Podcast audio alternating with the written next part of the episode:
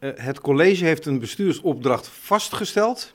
Waarin staat hoe we gaan aanpakken, uh, hoe we gaan komen tot een uitbreiding van het avontuur. Welke stappen we daar moeten, moeten gaan, gaan nemen, wie, wie zich daar allemaal mee moeten gaan bemoeien, wie de verantwoordelijkheden krijgen, met wie we samenwerken.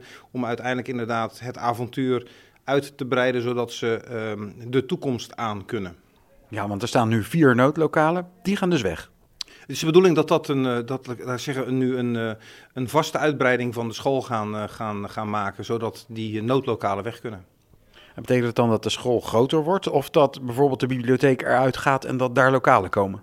Nou, er zijn nog allerlei opties. Um, er zijn wel al drie opties uitgewerkt. Die worden ook met school als, uh, als stichting uh, waar het, het avontuur onder valt, worden ze besproken.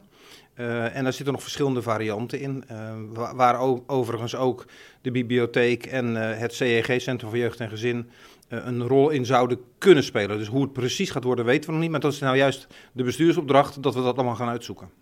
En kunt u al iets zeggen over de planning? Wanneer gaan die noodlokalen weg?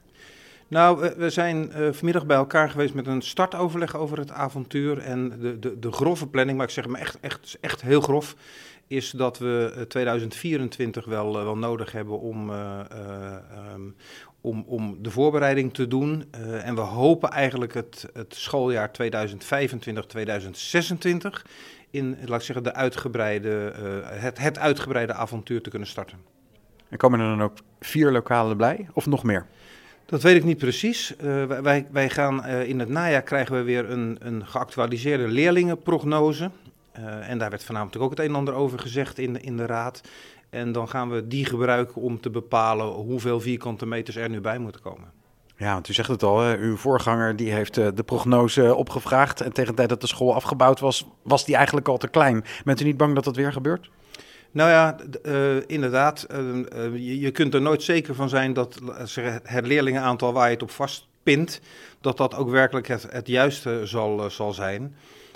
We doen ons best om zo, zo goed mogelijke inschatting te maken op basis van alles wat er gebeurt aan, aan, aan, aan woningbouw in Zoeterwoude dorp en andere factoren. Maar er zijn ook hele andere factoren die maken dat die leerlingenprognose ook heel anders uit kan, kan pakken. Een, een, een, een, een crisis als Oekraïne kan ertoe leiden dat er, ja, uh, daar kan iedereen zich misschien iets bij voorstellen, toch meer kinderen geboren worden uiteindelijk dan we in eerste instantie dachten. Dus er zijn allerlei factoren die we zelf niet in de hand hebben. Maar datgene wat we wel in de hand hebben en waarvan we weten dat ze er zijn, die betrekken we bij die prognose.